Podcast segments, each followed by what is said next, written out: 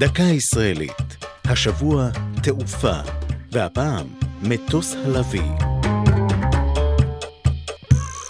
ב-8 בפברואר 1980 החליט שר הביטחון עזר ויצמן, לשעבר מפקד חיל האוויר, ישראל תפתח בעצמה מטוס קרב, הלוי.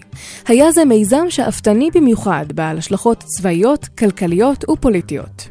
משימת הפיתוח והייצור הופקדה בידי התעשייה האווירית. הלקוח המיועד, חיל האוויר, דווקא התנגד לפיתוח הלוי, בשל עלותו הגבוהה. על אף זאת, שקדו יחד טייסי קרב של החיל ואנשי התעשייה האווירית על בניית המטוס שאמור היה לתפוס את מקומו של מטוס התקיפה האמריקני F-16, ואף לעלות עליו. הממשל בארצות הברית הסכים לממן חלק מהמיזם, אבל נתח המימון הישראלי נותר כבד. אחרי כחמש שנות עבודה, התברר כי ייצור הלוי יקר מדי. וכך, בסוף חודש אוגוסט 87, הכריעה ממשלת האחדות הלאומית, בראשות יצחק שמיר ושמעון פרס, לעצור את המיזם. החלטה זו גררה פיטורי אלפי מהנדסים וטכנאים, תגובות קשות ומחאה חריפה של עובדי התעשייה האווירית. שלושת אבות הטיפוס של מטוס הלוי קורקעו, כחצי שנה לאחר טיסת המבחן הראשונה.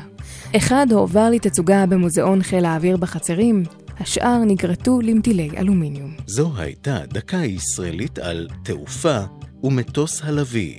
כתבה טליה כהן, ייעוץ הדוקטור דני עוזיאל, עורך ליאור פרידמן.